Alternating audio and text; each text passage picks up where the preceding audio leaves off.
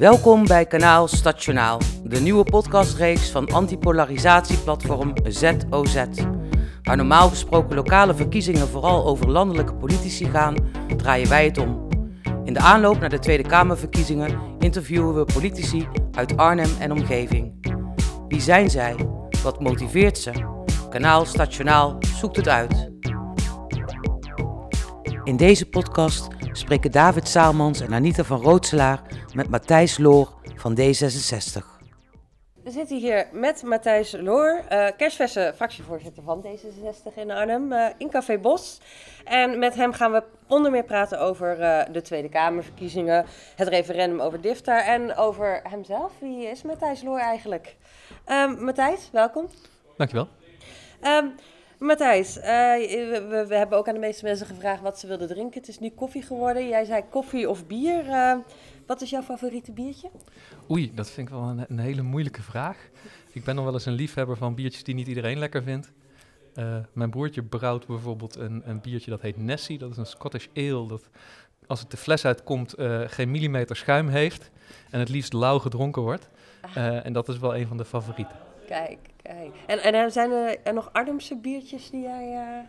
Oeh, ik ben geen grote Arnhemse bierenkenner. Uh, en, uh, ja, de Nessie wordt uh, niet in Arnhem gemaakt. het is wel in Arnhem bedacht, maar... Ach, ach, ach.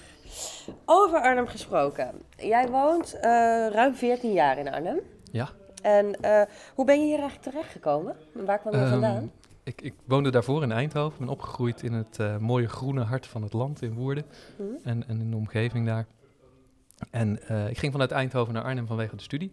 Of tenminste, ik was eigenlijk van plan om te gaan wonen waar ik ging werken. Want ik ging werken en studeren tegelijkertijd. Mm -hmm. Maar ik had geen baan. Uh, dus dacht ik, laat ik dan maar gaan wonen waar ik ga studeren. Dat scheelt in ieder geval ergens iets in de, in de reistijd. En uh, volgens mij is Arnhem ook wel leuk. Uh, en zodoende, toen ik aan mijn master op Artes begon, ben ik naar Arnhem verhuisd. En niet meer weggegaan, lekker blijven plakken. Want wat is leuk aan Arnhem? Wat is leuk aan Arnhem? dat wist ik toen overigens helemaal nog niet zo goed hoor. Ik had wel wat familie hier vandaan en was er als kind wel veel geweest maar ik kende de stad nauwelijks. Um, ik heb de stad wel, wel leren kennen, denk ik, als een uh, plek waar, je, waar eigenlijk voor iedereen wel wat te doen is. Hè. Het is, het is een, kleine stad, maar misschien net genoeg grote stad om, om levendig te zijn. En net zoveel kleine stad dat je ook zo de stad weer uit bent. en ik vind dat wel een hele, hele prettige balans. Ik voel eigenlijk al jaren geen enkele urgentie meer om hier weg te gaan. Kijk. Heb je het gevoel dat Arnhem uit twee steden bestaat? Dat Arnhem-Zuid een andere stad is dan Arnhem-Noord? Ik, ik, kan me heel goed voorstellen dat uh, sommige mensen dat gevoel hebben. Maar aangezien ik zelf uh, nou nog net niet op de brug woon, uh, is dat voor mij een stuk minder. Kijk, gewoon, mijn, een heel groot deel van mijn dagelijks leven ligt in Arnhem-Zuid en een ander heel groot deel ligt in Arnhem-Noord. Uh, dus ik, ik reis heel veel heen en weer. Ik kom nu ook net uit Arnhem-Zuid en ik dat was uh, tien minuten fietsen of zo. Dus voor mij zijn het geen twee steden. En je woont in Malburger West, hè? Ja, klopt. Ja, heb, heb je daar, uh, hoe lang woon je daar eigenlijk al? Uh, elf of twaalf jaar, zoiets. Okay. Best lang. Ja, ja. En, niet de behoefte om de brug Nee, helemaal niet. Het is eigenlijk een hele fijne plek om te wonen. Het wordt ook alleen maar prettiger. Uh, zeker nu Mijnerswijk wat meer vorm begint te krijgen. Dus je eigenlijk een minstens zo'n mooie plek als, als Sonsbeek in Noord vlak naast de deur hebt. Als je daar woont. -hmm supergoed bereikbaar. Uh, met 10 minuten sta je op Arnhem Centraal of in de binnenstad. Dus nee, er zijn echt heel veel plekken in Arnhem-Noord waar je een stuk slechter woont dan in Malburgen-West, voor mijn gevoel. Tegelijkertijd, jij woont natuurlijk nog redelijk dicht bij het centrum, maar je, de, als je kijkt naar wat er aan voorzieningen is, dan is er natuurlijk wel een verschil. Ja, er is zeker een verschil tussen Arnhem-Noord en Arnhem-Zuid. En ik denk dat overigens heel veel mensen er heel bewust voor kiezen om aan de een of de andere kant van de stad te willen wonen. En wat ik zo merk in de wijken in Zuid ook, mensen helemaal niet ontevreden zijn met Zuid of ontevreden zijn met de, uh, met de voorzieningen op een, een, enkele uitzondering na waar het gaat om toch wat meer mogelijkheden voor ontmoeting. Dat speelt eigenlijk wel overal in Zuid en uh, bij hele brede groepen. Um, maar het is niet zo dat in Zuid nou overweldigend te toon is van ja, maar wij moeten ons eigen stadscentrum hebben, want, uh, want Noord is zo ver weg of, of wat dan ook. Dat, dat gevoel herken ik helemaal niet en dat hoor ik ook eigenlijk heel weinig. Ja. Hey, we zitten nu in Café Bos. Um, ben jij hier vaak geweest? Heb jij ook voor de tijd dat het de Brigant was, het is daarvoor natuurlijk Hotelbos geweest, of heb je hier veel herinneringen aan? Mm, relatief weinig. En, en er zijn wat herinneringen die wat minder scherp zijn. Uh, van van uh, feestjes of borrels in, uh, in Café Bos die vooral heel laat waren. Um, nee, ik ben hier niet heel veel geweest. En het was denk ik ook de, de tijd dat dit echt een, een begrip was in Arnhem, was de tijd dat ik eh, nou ja, nog wat, wat minder eh, de gelegenheid had om daar gebruik van te maken, omdat ik heel druk was met werken en studeren tegelijkertijd. Ja, Eh, dus die vrijheid er ook gewoon wat minder was. Geen wilde, wilde verhalen over nee, helaas, helaas. Kan ik je niet mee helpen. Hey, ehm, jij bent sinds maart 2014 raadslid in Arnhem en sinds kort dus ook fractievoorzitter voor D66. Wanneer raakte jij eigenlijk voor het eerst geïnteresseerd in politiek? Nou, de interesse in politiek was er denk ik al heel lang. Ik denk dat ik een jaar of 16, 17, misschien nog wel jonger was. Toen werd eh, de tweede fase in het middelbaar onderwijs ingevoerd. En toen vond ik toch wel heel ernstig dat ik het beter wist dan de minister van Onderwijs. Ehm, dus dan begint de politieke interesse wel te komen. Eh, ik vond overigens ook dat ik het beter wist dan mijn protesterende medescholieren. eh, want daar was ik het ook niet mee eens. Eh, en toen begon ik wel een, een- mening te vormen over politieke dingen. Wat en, vond jij dan trouwens? eh, nou, ik, ik vond op zich die verandering een heel goed idee. Ik vond alleen dat die zo bar slecht werd uitgevoerd. En ik vond het heel vervelend dat een jaar na die verandering de politiek alweer begon terug te krabbelen. En eigenlijk een aantal ehm, essentiële verbeteringen die er naar mijn idee in zaten. In de, in de verbreding van, van wat leerlingen eh, leerden, maar ook in de nadruk op, op vaardigheden in plaats van kennis. Hele nuttige vaardigheden, denk ik. Eh, eigenlijk niet werd doorgezet. Maar, maar ehm, goed, ik, ik- ik- je werd politiek geïnteresseerd. Op een gegeven moment eh, ben jij bij D66 terechtgekomen. Ehm, wanneer werd jij lid van D66?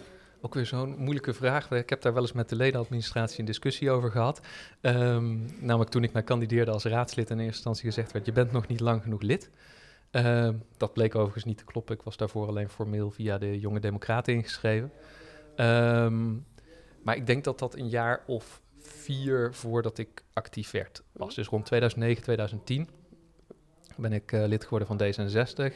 Eh, na ook wat, wel, wel wat omzwervingen van wat vind ik nou een, een goede partij. Nooit ergens anders lid van geweest, maar wel echt aan het zoeken van, van wat vind ik daar nou van. Welke partijen heb je, zij hebben zijn een beetje de Oh, revue gepasseerd? Volgens mij de, de, de hele linkerkant van het spectrum sowieso. eh, dus dat is best wel, best wel breed. Eh, en en ze- zeker PvdA en SP heb ik wel eens gestemd. Dat durf, ik ook, durf ik ook wel toe te geven.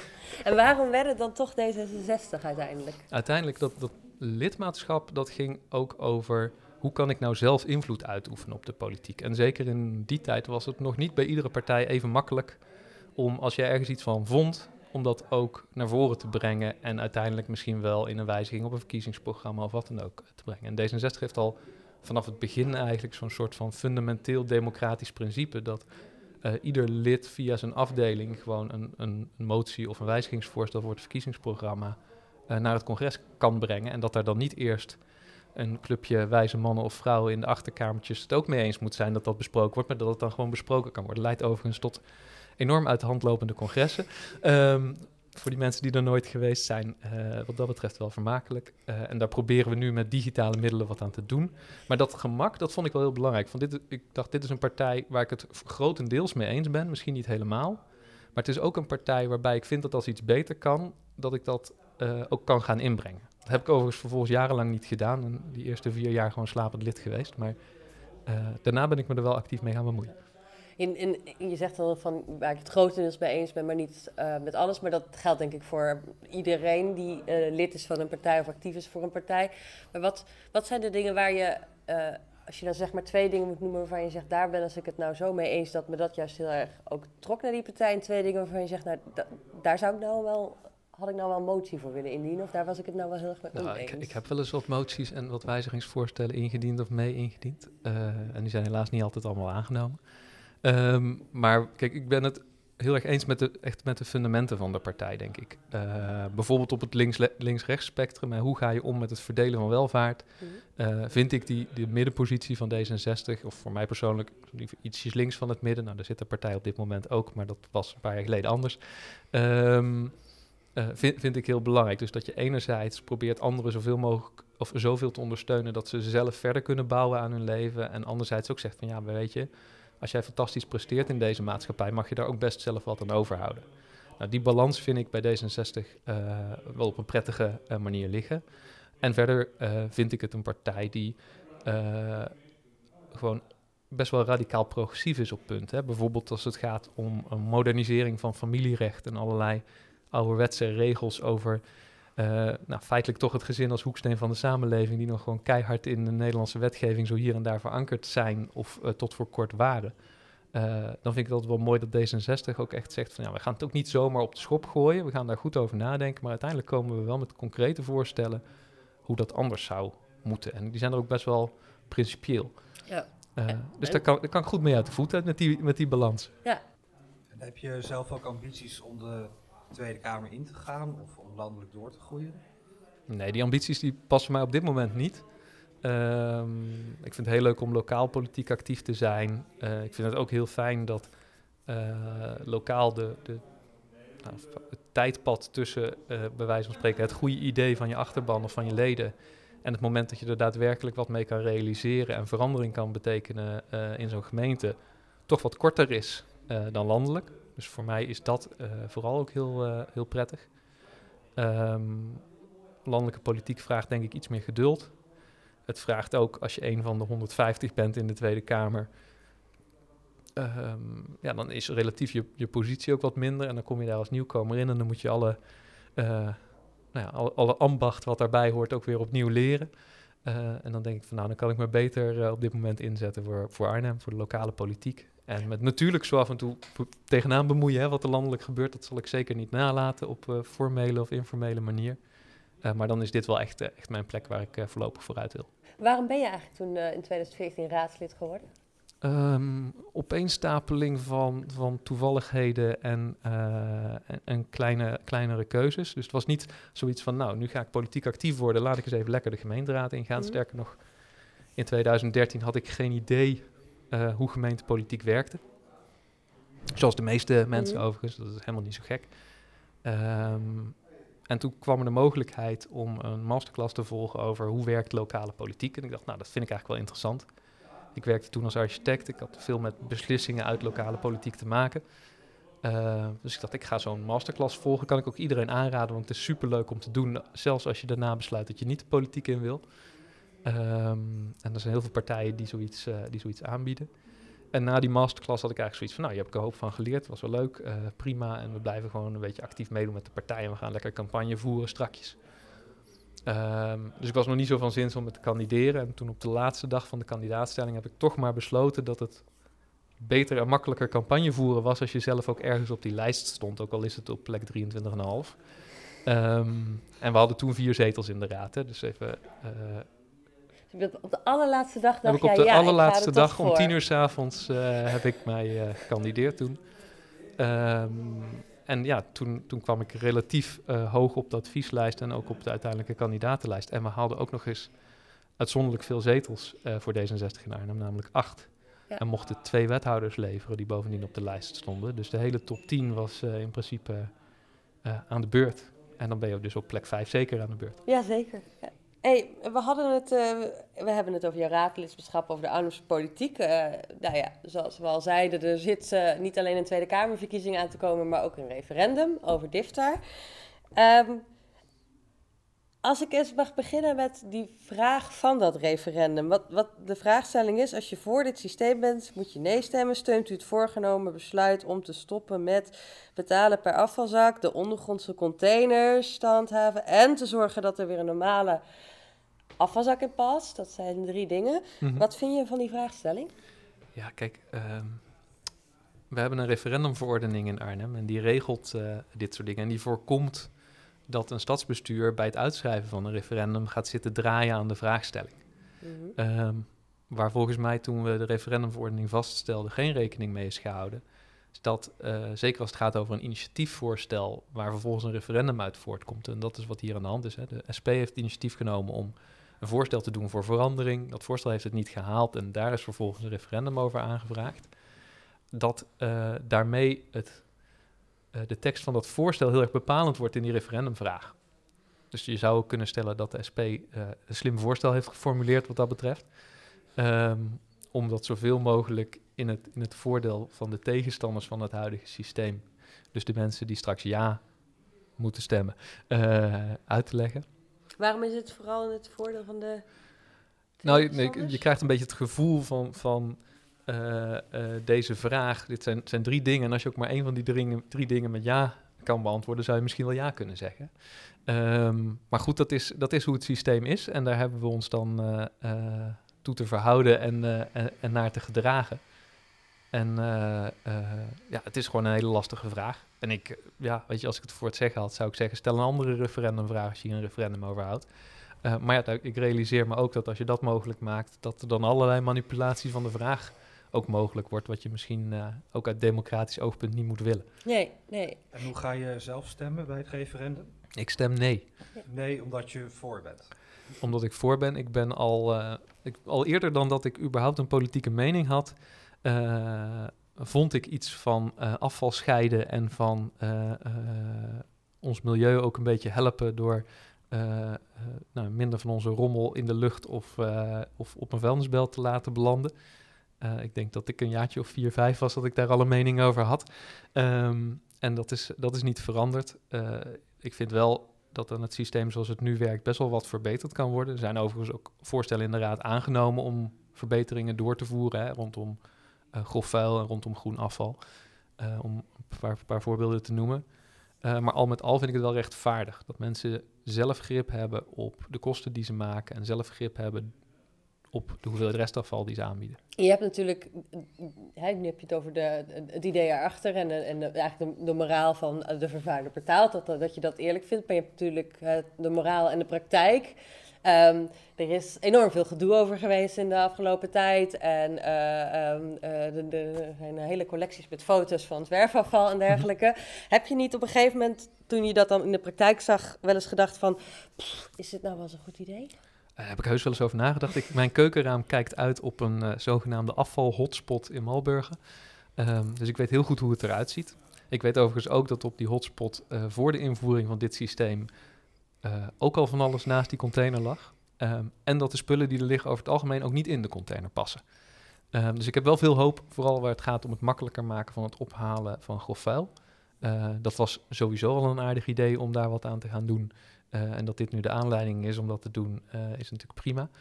Eh, want dat gaat wel echt verschil maken. Weet je, ik woon zelf in een wijk waar de meeste mensen geen auto hebben. En dus niet hun zooi met de auto naar een afvalbrengstation gaan brengen. Met name de oude matrassen, boekenkasten, eh fauteuils en wat er verder allemaal nog niet eh, naast die container staat. En of die inwerpopening nou 30 liter of 60 liter is, die matras past er in beide gevallen echt niet in. Ehm, dus daar geloof ik wel echt in, dat je die mensen beter in gelegenheid stelt om van hun spullen af te komen. En of dat nou gratis is of heel goedkoop of een paar keer per jaar, of dat maakt me eigenlijk niet eens zo heel veel uit, maar regel het. Ja. Ehm, ik denk dat dat wel veel verschil gaat maken in het, het zwerfvuil. Want het is natuurlijk wel zo dat als daar eenmaal zo'n matras naast ligt en een half bankstel, dat het ook heel aantrekkelijk is om je vuilniszak er ook gewoon naast te planten. Ja. Maar ik zie echt best wel veel mensen ook gewoon eh, keurig hun zakje in die kleine werp, inwerpopening duwen eh, en de container sluiten. Eh, en ik zie ook gewoon buurtbewoners, ook in Malburgen West, elkaar erop aanspreken als ze het niet doen. Dus ik ben ook ergens wel hoopvol. En eh, we, we, eh, die, we hebben nu ook een stemhulp voor dat referendum. Er ligt hier op tafel ook een papiertje, want we kunnen hem zelfs eh, eh, ni- ni- niet digitale vorm doen. Jij had hem ook al gedaan, hè? Dat klopt. En?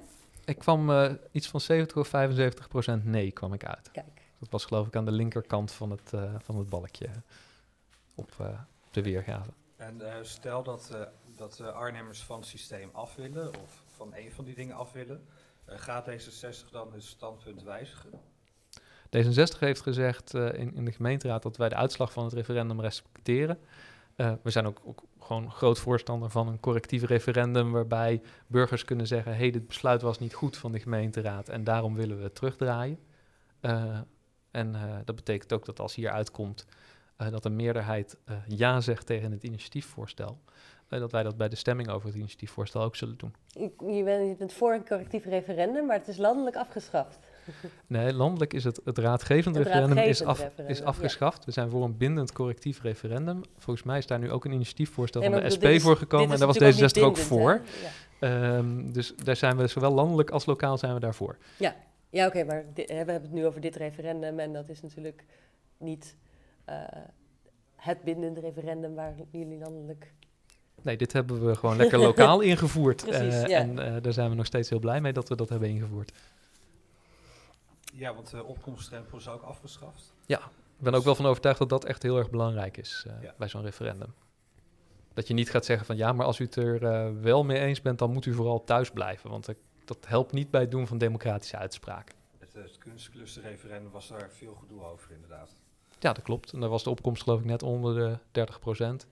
Uh, en dan, dan, krijg je vervolgens ook in de politiek weer de vraag: ja, wat moeten we er nou mee? Want ja, uh, er heeft wel een meerderheid gesproken, maar het zit onder de opkomstdrempel. Maar het was sowieso maar raadgevend, want we mogen geen bindend referendum doen lokaal. Nou ja, dan krijg je hele ingewikkelde situaties van. Dus ik ben wel blij dat we die hebben afgeschaft. En je zag ook bij, bij Stadsblokken Mijnerswijk dat er dus voor beide kampen echt volop aanleiding was om campagne te gaan voeren en om mijn mening naar voren te brengen. Waardoor ik denk ik ook de gemiddelde Arnhemmer beter geïnformeerd was over waar heb ik nou eigenlijk uit te kiezen. Heb je het idee dat dit referendum speelt onder de Arnhemmers? Ik heb het idee dat de, nou ja, de wat beter geïnformeerde Arnhemmer wel weet dat er een referendum aan zit te komen. Uh, en dat het in sommige wijken natuurlijk heel erg speelt omdat het afvalprobleem uh, speelt. En onder sommige groepen heel erg speelt omdat die een heel uitgesproken mening hebben, zoals ik, over dat de vervuiler moet betalen. Ik denk dat breed over de Arnhemmers dit referendum helemaal niet zo heel erg speelt. Maar goed, dat is ook een beetje koffiedik kijken. We doen niet aan peilingen en zo lokaal. Dus dat blijft heel spannend. Ik heb ook echt geen idee wat eruit gaat komen. Nee, ik denk dat de opkomst deze keer wel hoger is, omdat het in combinatie met de andere verkiezingen is natuurlijk. Ja, dat is wel aannemelijk. Dus, maar ja, in mijn omgeving speelt het helemaal niet. Uh, ik weet niet of het in jouw omgeving wel speelt of dat het meer een bubbel is. Nou, in, in de D66-bubbel kom ik ook vrij veel mensen tegen die zich afvragen: um, wat zal ik nou eigenlijk eens stemmen? Uh, die dus ook niet een, op voorhand al een heel uitgesproken uh, mening daarover hebben. Um, ik denk dat het wel in, verschillende groepen, wat ik net al aangaf. Hè, kijk, er is een groep mensen die er bijvoorbeeld heel veel last van heeft, omdat ze naast zo'n plek wonen waar mensen te pas en te onpas vuilniszakken neergooien. Ja, die hebben er natuurlijk een veel uitgesprokener mening over dan iemand die hier misschien wel bijna niks van merkt. En voor wie het allemaal prima werkbaar en, en oké is. Uh, weet je, in, mensen die uh, een grondgebonden woning, uh, gewoon een rijtjeshuis hebben met een, een groenbak voor de deur, daar is het scheiden van hun groenafval een stuk makkelijker voor dan mensen in een appartement die bij de gemeente een gezamenlijke container moeten aanvragen of een citybin die dan weer wel of niet geleegd wordt omdat de vuilniswagen yes. hem over het hoofd ziet. Nou, daar zit nog een hoop gedoe achter. Speelt dat denk je ook mee in, in, in de weerstand hier in Arnhem? Want je ziet, er zijn best wel wat kleinere gemeenten, ook in de omgeving, die dit al systeem of een vergelijkbaar systeem al best lang hebben. Maar daar zit natuurlijk veel minder hoogbouw, veel minder. Nee. Nou ja, we hebben vanaf het begin, ik denk dat dat 2017 was, uh, toen was Yvonne van Amersveld nog onze woordvoerder in de raad op dit onderwerp, hebben wij gezegd van je moet echt voor, voor GFT bij hoogbouw, uh, het groenafval van die mensen, moet je wel echt goede oplossingen gaan verzinnen. En die zijn er uiteindelijk wel gekomen, uh, maar die zijn er wel heel laat gekomen. en die zijn nog, nog steeds niet volledig uitgerold over de stad. Ik heb nu sinds kort wel zo'n verzamelcontainer vlak bij mijn huis. Ben ik op zich heel blij mee. Maakt alles een heel stuk makkelijker. Voor mij nu geen enkel probleem meer. Hè. Ik kan gewoon naast die plek waar ik mijn plastic en mijn restafval kwijt kan. En waar ik toch altijd al voor moest lopen uh, vanuit de hoogbouw. Kan ik ook mijn groenafval kwijt. Nou, vind ik prima om dat in drie aparte zakjes te doen. Uh, en dan zijn we klaar. Uh, maar als dat niet overal zo is en mensen moeten er zelf om vragen, en weet je, dan maak je het ook wel onaantrekkelijk om dit systeem te laten werken. Dus je kan eindelijk zelf ook volledig scheiden. Nou, ik was al begonnen met zo'n citybin, maar dat was wel echt een drama. Die is de helft van de keren niet geleegd. Dus. Ah, ah. Hey, over Arnhem gesproken. Um, we hebben het even gehad over afval, maar Arnhem is natuurlijk meer dan alleen afval. Um, ik wil het ook even een beetje hebben over uh, de Arnhemse cultuur. Want uh, er wordt best wel eens gezegd van Arnhemmers zijn niet zo snel trots op hun eigen stad. Uh, is dat zo? Mag dat meer? Mag er wat meer stationalisme komen? Of, uh... van mij mogen Arnhemmers hartstikke trots zijn op hun eigen stad. Overigens, uh, ze zijn het uit zichzelf niet, maar wagend is om Arnhem in een kwaad daglicht te stellen, want dan zijn ze het wel. Dus wat dat betreft is het ook een beetje wat ik nog wel eens merk bij, bij Vlaamse vrienden van mij. Als ik zeg dat, dat België niet bestaat, dan zijn ze ineens Belg, maar anders zijn ze Vlaming. Um, dus ja, kijk, zeuren over je stad is ook wel gewoon een stedelijk gegeven volgens mij. Volgens mij kunnen ze het in Nijmegen ook prima en kunnen ze in Rotterdam ook. Um, en dat hoort er gewoon wel een, beetje, wel een beetje bij. Maar je mag best wel als Arnhemmer uh, trots zijn op je stad en dat ook wat meer uitdragen, ook buiten Arnhem. En uh, nou ja, daar kunnen we denk ik nog wel slagen in maken. Dat dat moeilijk is, heeft misschien ook wel te maken dat we een hele diverse stad zijn in, in vele opzichten. Hè? Dus in hoeverre is er een, een samenhangende groep inwoners die niet alleen allemaal denkt wij zijn Arnhemmer, maar dat ook nog voelt als zijnde één groep. Dat is misschien in andere steden wel meer het geval dan in Arnhem. Ja. Uh, maar dat heeft ook gewoon te maken met de, met de grote diversiteit in onze stad. eh, die groter is dan, dan in andere steden. De verschillen tussen, eh, tussen arm en rijk zijn groter, tussen hoog en laag opgeleid zijn groter. Uh, nou, dan is er ook nog een tweedeling tussen Noord en Zuid, die door sommige mensen heel heftig ervaren wordt. Um, dus ik denk dat je best wel kunt stellen dat het moeilijker is om de Arnhemmers te verenigen achter het verhaal Arnhem dan in sommige andere steden. In hoeverre is hier daarin ook daarin of in de brede zin een groot verschil tussen Arnhem en de Randstad? Nou, dat, ik weet niet of in de Randstad die identiteiten nou zo sterk zijn. Uh, kijk, heel veel mensen die daar wonen, uh, die zijn niet eens uh, geboren en getogen in een stad, maar die zijn er gewoon heen getrokken voor werk, voor studie. of omdat de heersende cultuur is dat je in de Randstad moet wonen, want daar gebeurt het. Waar ik het over sterk mee oneens ben. Um, dus ik ben wel echt zo'n Arnhem-ambassadeur, zeker als ik in Amsterdam rondloop of in Den Haag. Um, maar Nee, ik denk niet dat dat per se in de Randstad veel, veel sterker is, die, die stedelijke identiteit. Ik denk wel dat in de middelgrote steden met een sterkere culturele samenhang, hè, uh, bijvoorbeeld in het zuiden van het land, dat daar de, die, die stedelijke cultuur die men samen uitdraagt misschien wel eens wat sterker is dan hier. Maar ook daarvoor geldt als een stad groter wordt uh, en er komen mensen van buiten naartoe omdat er nou ja, van alles te doen is. Uh, en er, zijn, er is ho hoger onderwijs wat mensen aantrekt die blijven plakken. Dan krijg je nooit een, een, samenhang zoals je die in een dorp wel hebt. Nee. Waar iedereen zich misschien wel achter één verhaal schaart. Mm, we hebben het nu over de mensen. Als we het dus over de stenen hebben. Jij, jouw achtergrond is architectuur, dat ben jij. Um, wat vind je van de architectuur in Arnhem? Ehm, nou, de, ik denk dat je onderscheid moet maken tussen de stad als geheel. Nou, de stad als geheel is, is fantastisch in zijn, in zijn structuur. Uh, ook doordat die bestaat uit eigenlijk allemaal eilanden in een hele mooie groene omgeving. En al die eilanden ook nog eens uh, super consequent naar het tijdbeeld van een bepaalde tijd zijn vormgegeven. Ik zeg wel eens, ik had mijn uh, stedenbouwvakken uit het begin van mijn opleiding gewoon allemaal kunnen overslaan en een dagje naar Arnhem kunnen gaan. En dan kun je zo al die voorbeelden vanaf de middeleeuwse stad tot aan de jaren 70 en 80 en alle overheersende stromingen in die tijd gewoon allemaal na elkaar bekijken. Dus daarin is het een super boeiende stad in ieder geval voor vakidioten zoals ik. Als je kijkt naar de, de, hedendaagse architectuur van de stad, dan is Arnhem ook fantastisch. Hè? Volgens mij is er geen middelgrote stad in Nederland waar zoveel architectuurprijzen vallen als in Arnhem. Of het nu gaat om Arnhem Centraal, of om het Huis der Provincie, of om Musis, of om Rosette. Ze zijn allemaal dik in de prijzen gevallen. Um, en, mijn verwachting is dat Museum Arnhem daar nog een schepje bovenop gaat doen. Um, dus uh, volgens mij hebben we uh, een super hoge standaard in ieder geval wat architectuur betreft in Arnhem de laatste jaren. Maar we hebben natuurlijk ook wel een wederopbouwperiode gehad waarin sommige dingen fantastisch zijn en sommige dingen een heel stuk minder. Ja, wat, als er een plek is in Arnhem waarvan je zegt, nou, als ik het voor het zeggen had, dan zou ik daar iets totaal anders neerzetten. Welke plek zou het zijn en wat zou je eraan veranderen? Oeh, nou ja, kijk, de, de Van Melwijkstraat staat heel hoog op iedereen's verlanglijstje om, om wat aan te doen. Uh, daar is volgens mij ook wel eens een peiling over, uh, over gehouden. Dat, dat is echt geen visitekaartje voor de stad. En ik denk dat op heel veel plekken hoor, dat op zich wat er staat aan gebouwen is nog niet eens het grootste probleem. Maar we hebben echt wel plekken waar onze openbare ruimte gewoon zo gedomineerd is door een idee over auto's, wat inmiddels echt achterhaald is. Dat we daar eens wat aan zouden moeten doen. We hebben op de Johan de Witlaan gezien dat een auto veel minder ruimte nodig heeft en dat er dan net zoveel doorheen kunnen. En er ook nog eens minder file staat. Uh, toen ze daar van vier banen naar twee en van, uh, van stoplichten naar een soort uh, semi-rotondes gingen. Um, dus dat soort aanpakken kunnen nog veel meer plek. Over gebouwen gesproken en wonen. Wonen is natuurlijk sowieso wel een ding qua woningtekort enzovoort enzovoort. Um, jouw lijsttrekker Sigrid Kaag, die zei pas uh, tegen de Gelderlander... als ze moest kiezen tussen nieuwe huizen of een verlenging van de A15... dan koos ze voor nieuwe woningen. Ben je het daarmee eens? Um, ik ben het niet helemaal met haar eens. Ik heb het, uh, ik heb het ook gelezen. Het was overigens niet zo'n zo'n tweedeling. Hè. Het ging over de stikstofruimte voor de A15 versus uh, voor woningbouw. Uh, en we hebben daar ook vandaag toevallig nog onder de verschillende woonwoordvoerders wel even een discussie over gehad hier uit de regio. Van wat, wat moeten we nou met zo'n uitspraak? Mm.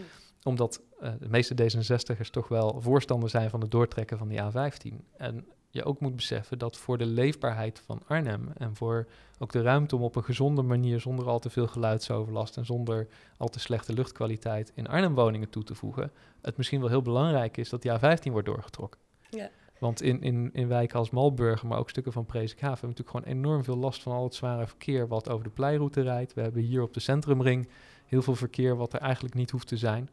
Ehm, en dat zal wel voor een deel minder worden op het moment eh, dat de A15 wordt doorgetrokken. Even los van dat de bereikbaarheid van de stad er beter van wordt. Ja, de, de, is dat misschien dan toch een beetje te veel een, een randstedelijke blik? Dat die bereikbaarheid van Arnhem, dat ze dat even niet helemaal helder had, hoe belangrijk dat dan voor sommige mensen is? Nou ja, kijk, de vraag was heel erg gekoppeld aan de stikstofruimte. En als je daarvan uitgaat, dan snap ik dat je woningbouw prioriteert boven het doortrekken van de A15. Ik denk dat we, uh, en dat staat ook in het D66-programma, dat we nog heel veel andere dingen moeten doen om die stikstofruimte te krijgen. En dat we vervolgens vooral onze ontwikkeling in de steden moeten doen, waardoor mensen uh, goed bereikbaar uh, kunnen wonen en ook dicht bij werk kunnen wonen. Hè. Dus toch wel wat meer verstedelijk Nederland krijgen. In de zin van dat de groene ruimte groen kan blijven en dat de activiteit echt in de steden zit, ook als we groeien. Um, en daarvoor is het wel gewoon nodig dat die steden ook leefbaar zijn en niet gedomineerd worden door de auto. Uh, en nou, om die auto nou buiten Arnhem te houden, is die A15 toch wel heel hard nodig. Hey, um, we hebben het, uh, ik noemde Sigrid Kaag net, er zijn natuurlijk ook Tweede Kamerverkiezingen die eraan komen. Um, is Arnhem of, of voldoende vertegenwoordigd in de Tweede Kamer? Nou, daar heeft al eens iemand naar gekeken. Volgens mij staan er bijzonder weinig Arnhemse kandidaten op die Kamerlijst. En al helemaal niet op uh, verkiesbare plekken. Bij D66 in ieder geval geen. Uh, overigens hebben wij fantastische kandidaten uit de regio Nijmegen... die ook het Arnhems belang uh, uh, goed heeft laten horen de afgelopen jaren. Want ik heb wat dat betreft niks te klagen over onze huidige fractievoorzitter in de Kamer, Rob Jetten. Dat is ook de enige Gelderlander volgens mij die op de Nee, er staan er wel meer. meer? meer? Uh, ja. ja. er staat nog uh, een dame uit Lochem, staat er op. Ah. Loesten Dolle uit, ik meen Winterswijk, dat zij vandaan komt, staat op de Kamerlijst. Dus er staan wel meer Gelderse kandidaten op hoor. Ehm, Uh, Rob is altijd, uh, uh, ook in, in, de tijd dat hij in de Kamer zat, maar ook daarvoor altijd vaak in, in Arnhem geweest. En we hebben goede contacten gehad vanuit Arnhem, altijd met de Kamerfractie. dus op zich, onze vertegenwoordiging hebben we niet echt over te klagen hoor. En sowieso vind ik het heel prettig dat we binnen D66 de lijnen heel kort hebben. Mm-hmm. Dat er gewoon appgroepen zijn waar de Kamerleden en de lokale woordvoerders op onderwerpen elkaar weten te vinden. En dat als er een keer een stukje afstemming nodig is of in Den Haag men ergens mee bezig is, wat ons vooral raakt, dat ook gewoon gevraagd wordt van, goh, hoe kijken jullie er tegenaan? Mm -hmm. En dat daardoor uh, die landelijke politiek echt prima in staat is om ook dat lokale geluid mee te nemen. Ja, de, het is natuurlijk voor deze is een interessante vraag, omdat jullie wordt nog wel eens verweten dat jullie een Randstadpartij zijn. um, als je kijkt naar de lijst en naar de vertegenwoordiging, ben je het dan een beetje eens met die kritiek of vind je dat het wel meevalt? Of kan het nog wel wat beter met die spreiding? Nou, kijk, de, de, ik meen dat de regionale spreiding op onze lijst nu iets minder is uh, dan bij de vorige verkiezingen. Uh, en ik heb het daar ook wel eens over gehad uh, met, met, uh, met mensen hier uit de afdeling van ja, wat moeten we daar nou van vinden? Maar dat heeft ook sterk te maken met de opdracht die de leden van D66 hebben meegegeven bij de samenstelling van de advieslijst. waarin we eigenlijk hebben gezegd, ja, we willen veel meer oog voor diversiteit in de, in de brede zin. Dus niet alleen of mensen een niet-Nederlandse afkomst hebben of uit welke provincie ze komen, maar ook het hele brede spectrum aan diversiteit. Diversiteit aan, aan opleidingsachtergronden, aan waar mensen wel en geen verstand van hebben. nou, dan hebben we nog de seksuele diversiteit, die we ook heel belangrijk vinden om, om zichtbaar te maken in onze Kamerlijst. Dus er is veel meer breed gekeken naar diversiteit. Ja, de opleiding. de lijst is wat dat betreft voor mijn gevoel ook diverser dan die uh, de vorige keer was, ondanks dat de spreiding over de provincies iets minder goed is. Ja, ook qua opleidingsniveau, want er wordt natuurlijk ook wel vaak gezegd dat D66 een partij is voor hoogopgeleiden met vooral een hoop consultants en dergelijke in de, in de, in de uh, achterban. Lukt dat genoeg om, om ook daar een diversiteit in te... Nou, dat is, het is super moeilijk. Ik ben zelf ook wel eens bij, bij selectieprocedures binnen D66 betrokken geweest. En dan streef je echt naar zo groot mogelijke diversiteit. Uh, maar je hebt het wel te doen met uh, de diversiteit van je achterban. Dus ik denk ook dat de eerste stap die we daarin moeten zetten, en er zijn D66'ers in het hele land heel druk mee bezig nu, uh, is vooral ook te werken aan de diversiteit van je ledenbestand. Begin daar eens mee. Hoe, hoe ga je dat doen? Door mensen die bijvoorbeeld interesse tonen in de partij, ook gewoon actief, als, als, ook als lokaal politicus, te benaderen van, goh, je hebt interessante ideeën, je vindt ergens wat van. Uh, moet je niet eens meedenken in onze partij? Uh, en ik denk dat dat bijdraagt aan, de, aan diversiteit. Dat is ook iets wat ik zelf graag doe. En natuurlijk wordt er heel vaak dan nee geantwoord. Mensen zeggen, daar heb, heb ik geen zin in, of dat ligt mij niet, of ik vind politiek vervelend, of wat dan ook. Hè. Uh, en dat mag ook. Uh, maar ik denk dat we niet alleen als het gaat om opleidingsniveau, maar ook om culturele achtergrond en alle andere vormen van diversiteit, dat we uh, daar uitnodigend in moeten zijn als, uh, als politiek. Dus ook mensen die dat horen en die denken, goh, ik vind daar wat van en ik zit een beetje in de D66-hoek, meld je vooral. Ja. Um, ja, want jij zei ook dat je graag praat met mensen, uh, inwoners van Arnhem, die ook juist niet op D66 stemmen, om je uit je eigen bubbel te stappen en je eigen politieke ideeën te scherpen. Lukt dat om met die mensen te praten of hoe pak je dat aan? Het lukt mij vrij goed, maar ik denk dat het deels komt door waar ik woon. Mm -hmm. Want we zijn in, in, zeker in de uh, verschillende buurten in Malburg toch een stuk minder D66-kiezers uh, dan gemiddeld. -hmm. Dus ik kom ze gewoon tegen op de galerij of ja. op het pleintje voor de supermarkt. En in de wijk als ik aan het flyeren ben. En bij wijkbijeenkomsten waar ik regelmatig ben in, in Malburg, maar ook in, in, of, in Rijkswoerd bijvoorbeeld.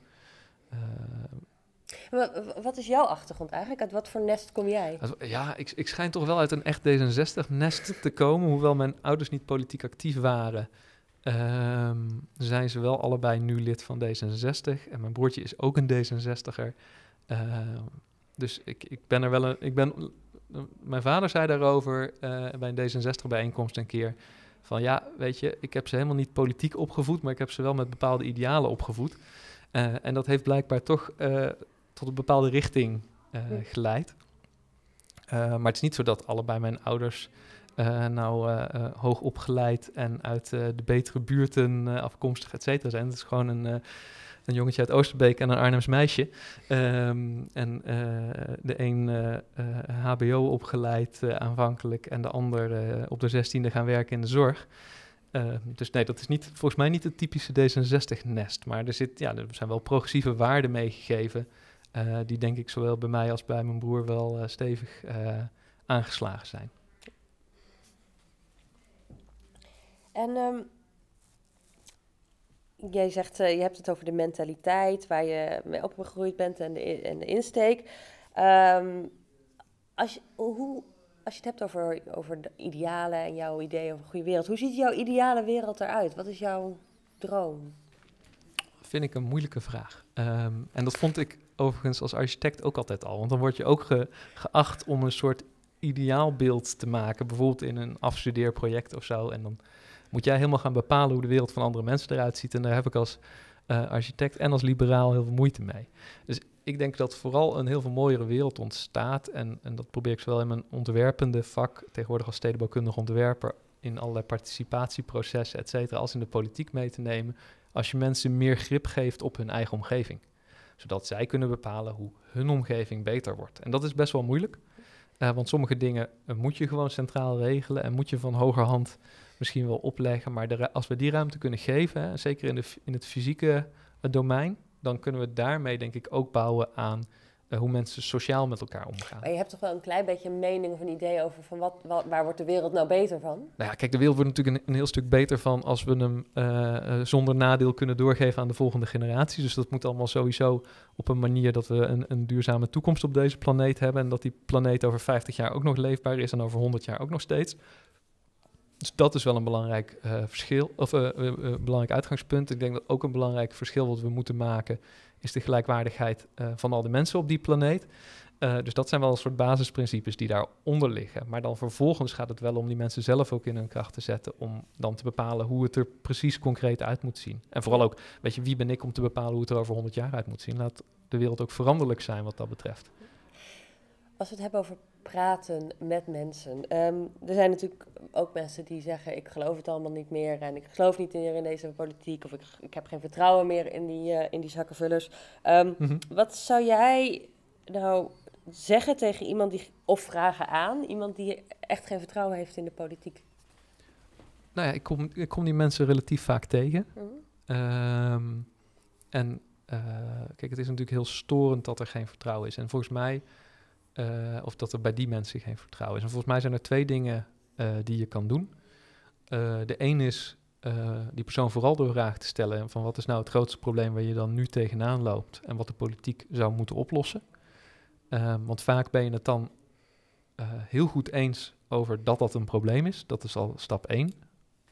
En dan kan zo iemand ook het gevoel krijgen van oké, dus de politiek begrijpt dit probleem. Dan kan het nog zijn dat je vanwege je politieke opvatting een ander idee hebt over de oplossing hoor. Ehm, maar dan heb je al enig begrip gewonnen volgens mij.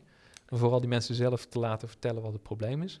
Je kunt ook nog wel eens aan zo iemand vragen. En wat vind jij dan dat de oplossing zou moeten zijn? Wat als je vraagt van wat is het probleem? Want, want je zegt ik kom mensen, die mensen vaak tegen. Daar praat ik ook wel mee met mensen die uh, wat sceptischer zijn. Wat is hun antwoord?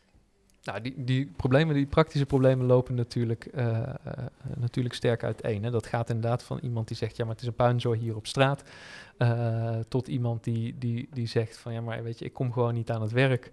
Um, en ik heb alles geprobeerd en nou gaat de gemeente mij ook nog afstraffen of, of weet ik veel wat. Die zo'n gevoel hebben bij ons soms toch wat strenge bijstandsbeleid.